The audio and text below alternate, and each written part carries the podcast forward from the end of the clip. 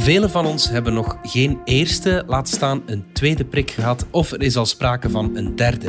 Om het coronavirus te bemeesteren dreigen twee dosissen van het vaccin niet te volstaan. Dat is toch wat de taskforce vaccinatie vermoedt.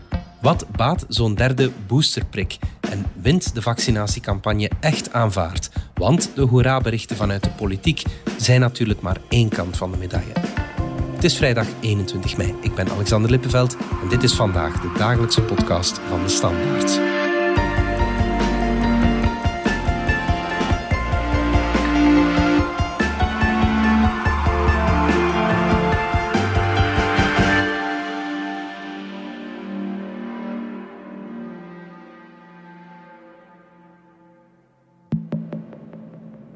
Met grote zekerheid kunnen we zeggen dat we wellicht eind dit jaar, zeker begin volgend jaar, zullen beginnen met het toedienen van een bijkomende dosis van een coronavaccin.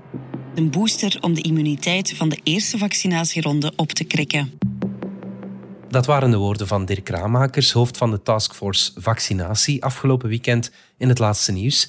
Ineens is er dus sprake van een derde dosis. Wetenschapsjournalist Dries de Smet, waarom is die nodig? Wel, misschien moeten we beginnen met te zeggen dat het nog niet zeker is dat die nodig is. We weten bij vaccins dat er antistoffen aangemaakt worden. Daarvoor dienen ze ook. Die antistoffen dienen dan om het virus te verslaan, mocht je ermee in contact komen. En we weten ook dat die afnemen na verloop van tijd. En de vraag is, ja, nemen die in die mate af dat we nog een boostervaccin zullen nodig hebben, dus nog eens een prik om nog eens ons immuunsysteem wakker te schudden, zeg maar. Om te zeggen, kijk, daar is een mogelijke indringer. En dan maakt er opnieuw antistoffen aan. En zo zijn we opnieuw goed beschermd. Ja. En als je kijkt naar wat we nu al weten, bijvoorbeeld over het eh, Pfizer-vaccin. Mhm. Dus in de trial wisten we na drie maanden is er een zeer goede bescherming. 97% in vergelijking met iemand die niet gevaccineerd is. En ondertussen hebben we ook al resultaten voor na zes maanden. En dan blijkt na zes maanden is die bescherming nog altijd 91 procent. Dus dat blijft nog altijd hoog. En dus als je denkt aan zal het nodig zijn in het najaar om een extra vaccin te geven, ja, dat weten we nog niet. In de zin, als het na zes maanden nog zo'n goede bescherming heeft, zal dat misschien dan nog niet nodig zijn. Kan die derde prik ook helpen tegen mogelijk nieuwe varianten? Ja, zeker wel. We hebben al gezien dat er een aantal nieuwe varianten zijn opgedoken. Denk aan de Britse variant, de Braziliaanse variant en Zuid-Afrikaanse variant. Nu de Indiaanse variant. Dus er zijn nieuwe varianten. En we weten dat sommige van die varianten in staat zijn om het immuunsysteem beter te omzeilen. Of je immuunsysteem herkent het minder goed, waardoor het zich makkelijker kan vermenigvuldigen. En in het bijzonder die Zuid-Afrikaanse variant, dat is degene die ons nu op dit moment het meeste zorgen baart, mhm. omdat we daarvan weten dat het immuunsysteem daar minder goed tegen werkt. Ja, ja. Maar dan is de bijkomende vraag, het is een beetje zoals je een dijk bouwt tegen een overstroming. En je ziet van oké, bij een bepaalde variant gaat het water veel hoger gaan staan. Maar dan is nog de vraag in de praktijk, zal die dijk breken? En mhm. wat men nu tot nu toe ziet, is dat ook bijvoorbeeld bij de Zuid-Afrikaanse variant, men heeft dat bijvoorbeeld gekeken in Qatar, waar die Zuid-Afrikaanse variant ongeveer de helft is, de Britse variant ook de helft. En daar ziet men nog altijd een bescherming van ongeveer 75 procent. Dus dat is ook nog een goede bescherming, is minder dan het 90% die men ziet bij de Britse variant. Maar ook wel nog altijd goed. Dus dat wil zeggen dat het immuunsysteem wel nog altijd helpt of geholpen wordt door het vaccin om ook die varianten te verslaan. Maar ik kan natuurlijk niet uitsluiten dat er op nog, nog nieuwe varianten komen die misschien hmm. beter in staat zullen zijn om het immuunsysteem te omzeilen. Dus het, ja, hmm. het kan zeker helpen, maar goed, op dit moment weten we ook niet welke varianten zullen ontstaan. Oké, en in het Verenigd Koninkrijk zijn ze er al langer over bezig. U hoort Matt Hancock, de Britse minister van Volksgezondheid. Uh, while we deliver on the first and the second doses, we're also working on our booster program too. And I just want to update you a little on that. This is all making sure that the vaccines stay ahead of the virus. Wil dat zeggen dat de virologen wereldwijd erover eens zijn dat zo'n derde prik wel een goed idee is? Ja en nee. We weten dat dat bij sommige vaccins nodig is om herhaaldelijk prikken te geven. Denk maar aan het griepvaccin. Ja. Maar we zullen dat denk ik moeten afwachten. En ik denk op dit moment, de enige die daar echt van overtuigd is dat het nodig zal zijn, dat zijn de producenten zelf. Dus midden april is uh, Albert Bourla, dus de, de, CEO van Pfizer, heeft gezegd een derde dosis zal nodig zijn en we zullen het waarschijnlijk jaarlijks moeten herhalen. Dat heeft ook dokter Oslem Touretsi van BioNTech gezegd, het bedrijf dat meegewerkt heeft aan de ontwikkeling van het vaccin van Pfizer. It is the nature of immune responses that uh, after they have been induced, uh, they spike and stay for a time. But with time, uh, immune responses wane. Yes, there will be uh, an additional boost necessary, similar to flu shots. We would need yearly or every second year additional shots. En dat is natuurlijk ook een beetje strategische communicatie. Want als je dat zegt, ja, de landen zich ook gaan voorbereiden. Dan gaan ze zeggen, ja, we moeten die vaccins hebben. Want we weten dat er schaarste kan zijn. En dus ja, wat ze dan doen, is, is ook al zeker vaccins bestellen. Daar al contracten voor afsluiten. En zo ja, zijn ze dan ook zeker dat ze die vaccins zullen hebben. Indien ze die nodig hebben. Maar dat is nog niet helemaal zeker. Ja, en zo ziet Pfizer eh, zijn portefeuille ook weer aandikken natuurlijk. Dus moeten we het dan eerder zien als een commerciële zet en een luxe in plaats van een noodzaak op dit moment? Het is moeilijk in te schatten. Ehm, als je ziet dat die, dat die bescherming nog naar beneden gaat, dan zal het misschien wel een noodzaak zijn. Hè? Dan ga je op een gegeven moment wel gaan, gaan schakelen en zeggen we gaan toch mensen met een derde, een derde prik gaan geven. En misschien zeker die kwetsbaren waarvan we weten dat die een grotere kans hebben om ziek te worden. Mhm. Dus men zal dat vaccin niet geven als, als luxe, als dat niet nodig is, dan zal men dat ook niet doen. Je haalt het al aan. Het is mogelijk dat er een jaarlijks uh, nieuwe prik zal moeten komen, zoals bij de griep. Wil dat zeggen dat we dan nooit verlost zullen zijn van die pandemie? Moeilijk in te schatten opnieuw. Uh, bij griep weten we. Uh, dus griep is een iets andere situatie. Griep muteert veel meer. Er zijn veel meer varianten. Uh, kunnen ook zelf genetische um, gegevens uitwisselen tussen verschillende virussen, waardoor je veel meer nieuwe virussen krijgt. En die vaccins zijn ook een pak minder goed. Dus mhm. we hebben ook veel minder maatregelen daartegen. Dus dat keert jaarlijks terug. Uh, hier weten we dat nog niet. In elk geval zullen we er nog niet snel verlost van zijn. Want tegen dat de hele wereld ingeënt is, ja, dat zal zeker nog een aantal jaar duren. Ja, natuurlijk. Ja. In a handful of rich countries, which bought up the majority of the vaccine supply, lower risk groups are now being vaccinated. I understand why some countries want to vaccinate their children and adolescents. But right now, I urge them to, to reconsider and to instead donate vaccines to COVAX. Dat was de directeur-generaal van de Wereldgezondheidsorganisatie. Hij haalt de kloof aan tussen de rijke en arme landen. Hij roept de landen die minderjarigen willen inenten op om hun vaccins naar landen te exporteren die nog een lagere vaccinatiegraad hebben. Geldt zijn argument ook niet voor die derde prik, Dries? Geven we die dosissen dan niet beter aan landen waar ze er meer nood aan hebben? Ja, dat is zeker een belangrijke ethische vraag. Dat zal in de eerste plaats afhangen van hoeveel vaccins zijn er beschikbaar. Mhm. Als er voldoende vaccins zijn, dan, dan speelt die vraag natuurlijk veel minder. Maar we weten dat dat nog wel een tijdje zal nijpen.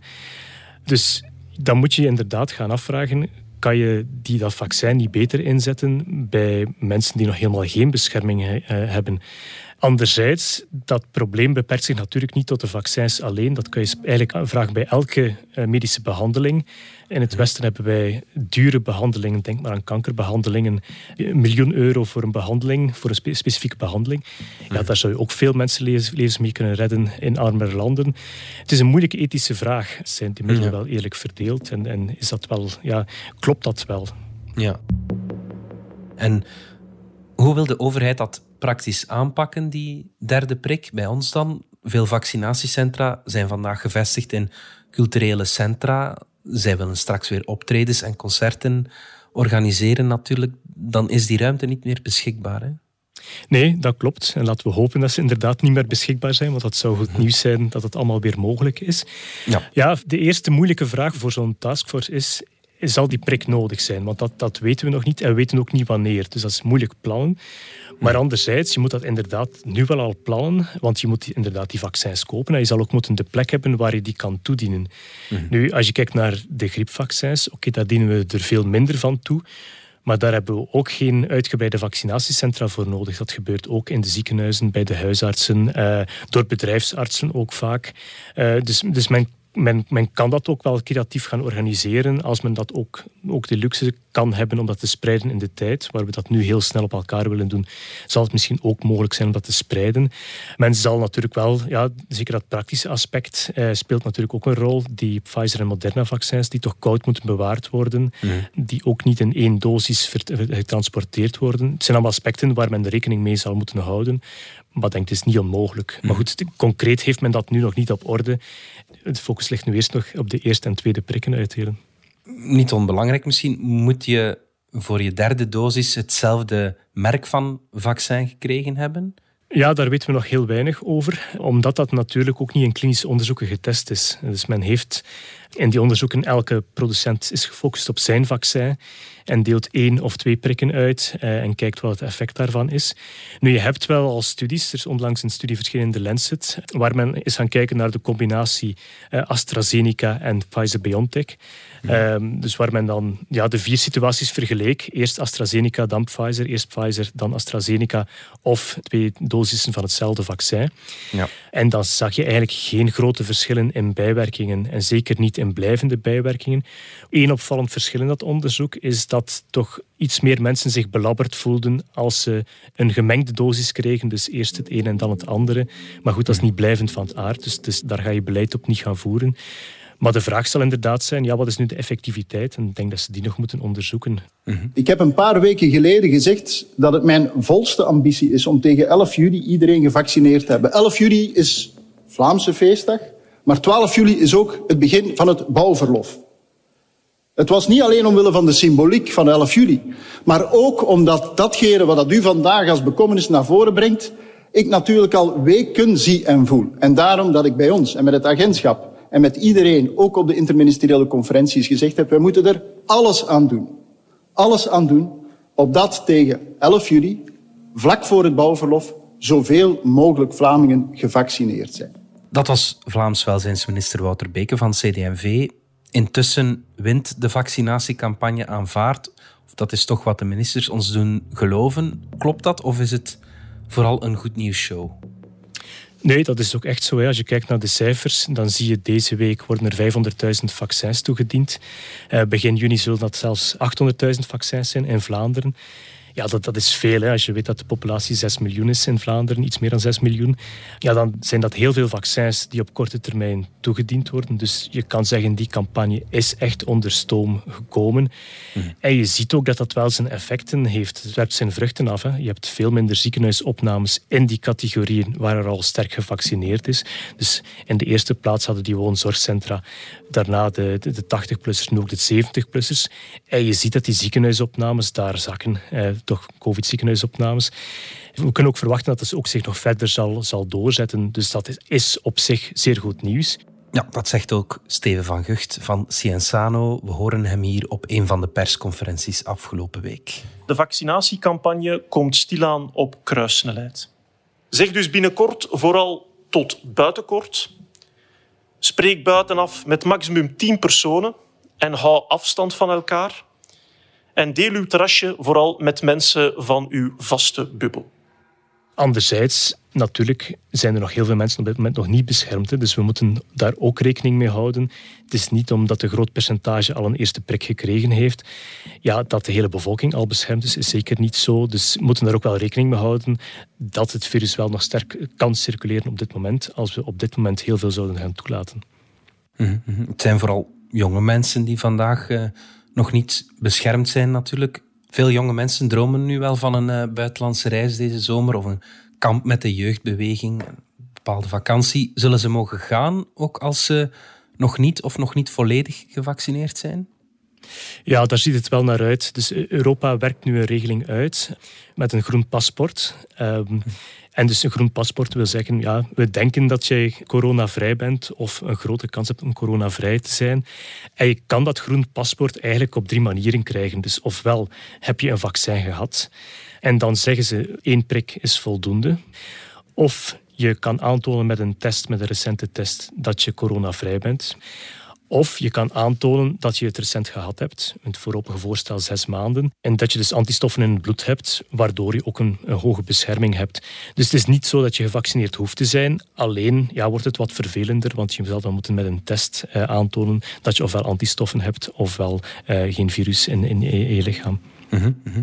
Is het ook wel verstandig om, om op reis te gaan en om dat ja, bepaalde risico toch wel te nemen? Ja, dat is een moeilijke inschatting. In die zin, dat hangt vooral af van, van de viruscirculatie. Mhm. Als je niet beschermd bent, ja, dan moet je het risico proberen te beperken dat je zelf besmet raakt. En dan hangt het eigenlijk af van ja, hoe sterk is de viruscirculatie waar je naartoe gaat en wat ga je daar doen. Als je daar activiteiten doet die niet risicovoller zijn dan thuis, dan zie ik daar geen enkele reden in om, om thuis te blijven. Tenzij dat je op dat moment natuurlijk je prik zou moeten krijgen, of dat je een tweede prik zou moeten krijgen. En dat zal voor veel jongere mensen dat moment zijn, want die worden in juni een eerste keer ingeënt. En dan vijf weken later, als het Pfizer is, of vier weken later bij Moderna, word je een tweede keer ingeënt. Dus dat kan dan wel pal in de zomer vallen. We zijn terug na de reclame.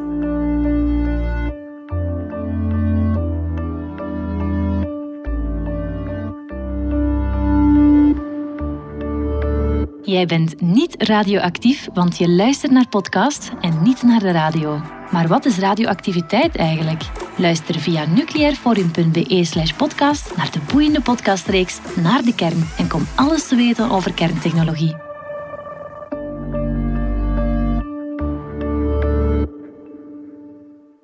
Wouter Beke heeft altijd gezegd dat hij alle volwassen Vlamingen tegen 11 juli een eerste inenting wil aangeboden hebben. Nu ook al alle 16 en 17-jarigen, die neemt hij erbij. Is dat haalbaar? Want er zijn toch wel al heel wat problemen geweest met leveringen en bijwerkingen van de vaccins van AstraZeneca en uh, Johnson Johnson. Hè? Ja, daar ligt het kalf gebonden. Hè. Om mm. vaccins toe te dienen moet je vaccins hebben. En we weten dat die leveringen niet altijd even betrouwbaar zijn. We hadden heel veel vaccins verwacht van Johnson Johnson. Die zijn er op dit moment nog niet. Dus, dus ja, daar zal het wel van afhangen of dat die timing gehaald wordt. Mhm. Onze start was nogal moeizaam. We waren wat het kneusje van Europa. Nu staan we plots aan de top van het aantal gevaccineerden. Dat zegt ook premier De Croo. Deze week komt de grote vaccinversnelling. Uh, vandaag zijn één op de drie volwassenen in ons land die hebben een eerste prik uh, gekregen. Maar er gaan er nog heel veel meer komen. We gaan 8 miljoen vaccins geleverd krijgen in, uh, in de weken die komen. Als je kijkt naar het aantal mensen die een eerste vaccin gekregen hebben, dan zijn we vandaag nummer 5 uh, in Europa. En dat is een, dat is een goede zaak. Hoe komt het dat we zo opgeschoven zijn in de ranking, om het zo te zeggen? Ja, daar is in het begin heel hard op gefocust. Men keek heel sterk naar de verschillende landen. Nu, als je in de Europese landen bekijkt, die hebben ongeveer allemaal dezelfde vaccins gekregen. Dus daar kunnen niet heel veel verschillen op zitten. Mhm. Wat een groot verschil maakt, is AstraZeneca. Dus wij hebben nooit beslist om te stoppen met AstraZeneca. En dat maakt een groot verschil. In die zin, als je bijvoorbeeld kijkt met Denemarken. Denemarken, eind februari stonden die ver voor. Was, was de kampioen van Europa. Enfin, stond op nummer twee. En die heeft wel beslist om te stoppen met AstraZeneca begin maart. Mhm. Sindsdien hebben wij al bijna een miljoen dosissen toegediend van AstraZeneca. En dat zorgt ervoor dat wij onze achterstand op Denemarken goed gemaakt. En nu hebben we ongeveer eh, evenveel vaccins toegediend. Dat Denemarken wel blijven AstraZeneca toedienen. Ja, dan lagen zij nog altijd, altijd voor op ons. Omdat zij, ja, zij hebben de traditie zeg maar, om heel snel de vaccins die ze binnen hebben, om die onmiddellijk toe te dienen. Wij laten daar twee, drie weken tussen, waardoor dat iets trager is. Maar goed, die verschillen, een keer dat je campagne op gang is, maakt dat ook niet meer zo heel veel uit. Dus... Mhm. Ja. Vaccine, vaccine, vaccine, vaccine. I'm begging of you, please don't hesitate. Vaccine, vaccine, vaccine, vaccine. Because once you're dead, then that's a bit too late. I know I'm trying to be funny now, but I'm dead serious about the vaccine. Dat was Dolly Parton, zangeres die zich in de VS heeft ingezet om de vaccinatiegraad op te krikken. De jongste weken is er heel veel te doen geweest over de kloof in de vaccinatiegraad tussen Vlaanderen, Brussel en Wallonië. Om te beginnen, hoe groot is die kloof eigenlijk? Als je kijkt naar de toegediende vaccins, dan is die klein, omdat mhm. elke regio krijgt een, een, een, aantal vaccins. En kan je die vaccins niet toedienen aan degene aan wie je het wilde toedienen, ja, dan ga je naar een lagere leeftijdscategorie. Dat zie het is niet dat ze weggegooid worden. Nee, zeker niet. Maar, dus dat zie je bijvoorbeeld ook in Brussel. Daar, daar is de vaccinatiebereidheid uh, het laagst. En dat zie je dan. Daar is men al jongere leeftijdscategorieën aan het inenten. Hmm. Als je kijkt naar enkel die, die hoogste leeftijdscategorieën, ja, dan zie je daar wel verschillen op. Um, bijvoorbeeld 85 plus. In Vlaanderen is 96% ingeënt.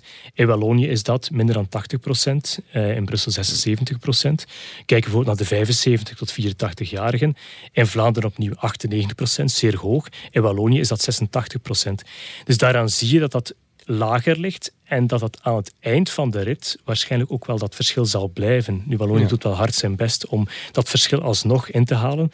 Maar goed, het is, het is moeilijk om mensen nog eens te bereiken aan wie het vaccin al aangeboden hebt. Dus dat zal iets lager uitkomen waarschijnlijk in, in Wallonië en zeker in Brussel. En hoe komt het dat daar zoveel meer weigeraars zijn? Ja, dat is een goede vraag. Ehm, men heeft die campagne iets anders georganiseerd. Bij ons is men eigenlijk zeer nauwgezet in leeftijd afgedaald. Dus men deed eerst zeg maar, de 95-jarigen, dan de 94-jarigen, 93 jaar. Men schoof dat zo op. In Wallonië heeft men dat iets meer gemixt, waardoor het in het begin ook moeilijker te zien was. Wie weigert er, wie niet. En dan heeft men eigenlijk na een eind vastgesteld van... Tja, we missen toch wel een, grote groep um, mensen.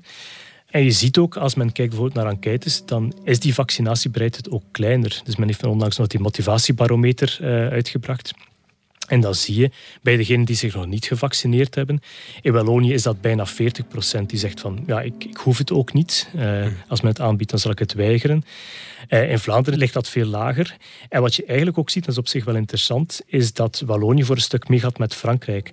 Als men naar Europese enquêtes kijkt en men kijkt naar de vaccinatiebereidheid specifiek voor COVID, dan zie je dat Frankrijk een van die landen is in Europa waar de vaccinatiebereidheid het laagst is. Waar je dus ook ziet dat van degenen die het nog niet hadden, dat bijna 40% zegt ik hoef het niet. Ja, om die reden heeft Vlaamse minister-president Jan Jambon van NVA al een paar keer geopperd om in Vlaanderen sneller te versoepelen. Maar federaal minister van Volksgezondheid, Frank van den Broeke, van vooruit, die wil daar niet van weten. Ook de gemiddelde Vlaming heeft trouwens weinig begrip voor vaccinprivileges.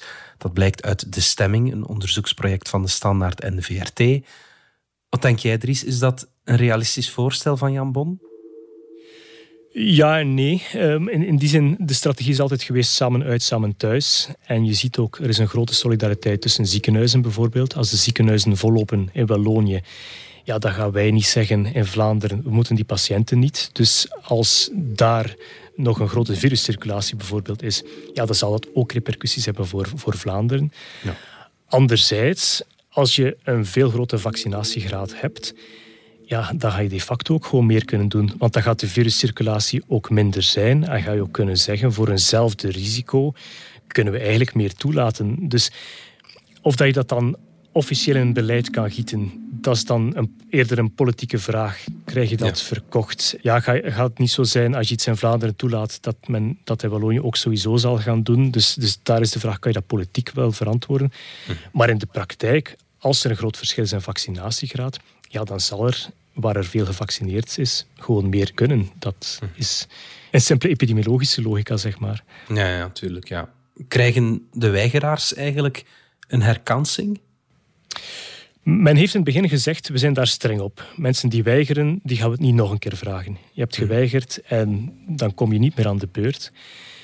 Nu, als je dat nuchter bekijkt. En dat is logisch dat men dat zegt, want men wil die, die overlast niet. Men wil niet dat mensen vaccinshoppen gaan doen. Dat maakt het allemaal ingewikkelder.